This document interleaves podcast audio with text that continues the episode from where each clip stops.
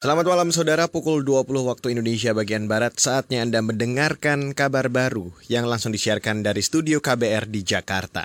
Saudara, pemerintah dan Bank Indonesia atau BI menyepakati skema burden sharing atau pembagian beban dalam program penyelamatan ekonomi nasional atau PEN. Menteri Keuangan Sri Mulyani Indrawati mengatakan, pembagian dilakukan dalam hal pembiayaan defisit di tengah pandemi COVID-19.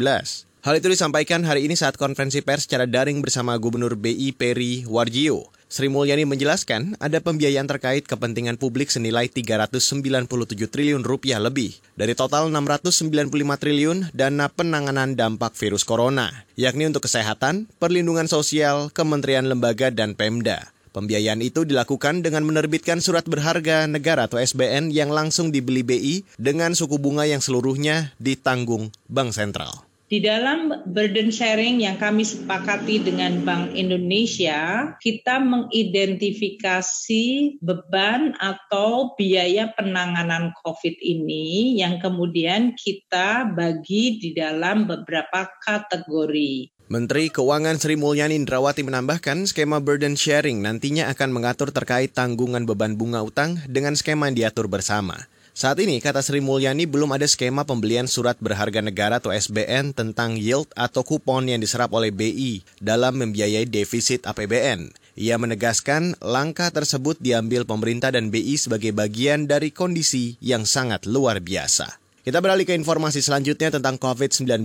Provinsi Jawa Timur hari ini masih menjadi daerah dengan penambahan jumlah terbanyak pasien positif COVID-19, yakni 308 kasus baru.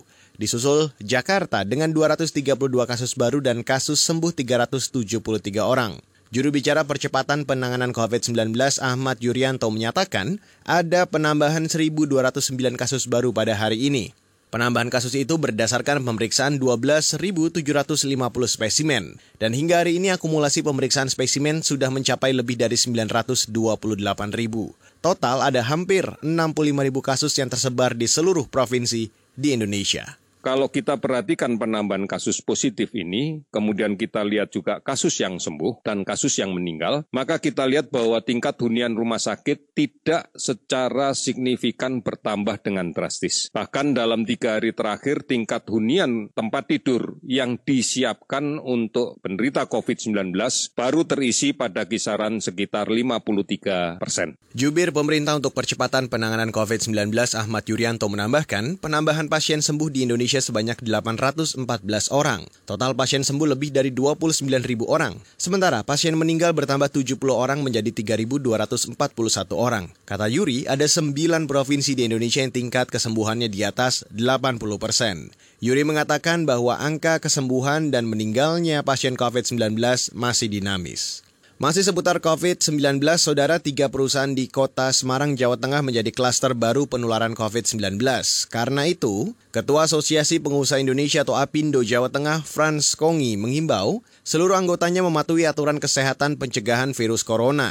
Namun ia mengaku belum tahu apakah tiga perusahaan tersebut anggota APindo Jateng atau bukan sejak mulai permulaan COVID-COVID ini mulai ya belum berkembang seperti sekarang ya kita eh, memang kepada semua anggota kita ya perusahaan-perusahaan manufaktur kita selalu meminta mereka ya mengikuti betul-betul ya mengikuti betul-betul aturan pemerintah di bidang apa ini protokol kesehatan kerjasama dengan dinas kesehatan setempat di seluruh Jawa Tengah ini. Ketua Apindo Jawa Tengah Frans Kongi meminta tiga perusahaan tersebut tidak ditutup. Ia mengusulkan memperketat protokol kesehatan serta melakukan tes massal kepada karyawan. Ia menambahkan akan segera mengirim surat timbauan kepada seluruh anggota Apindo di Jawa Tengah untuk memperketat protokol kesehatan sesuai aturan pemerintah.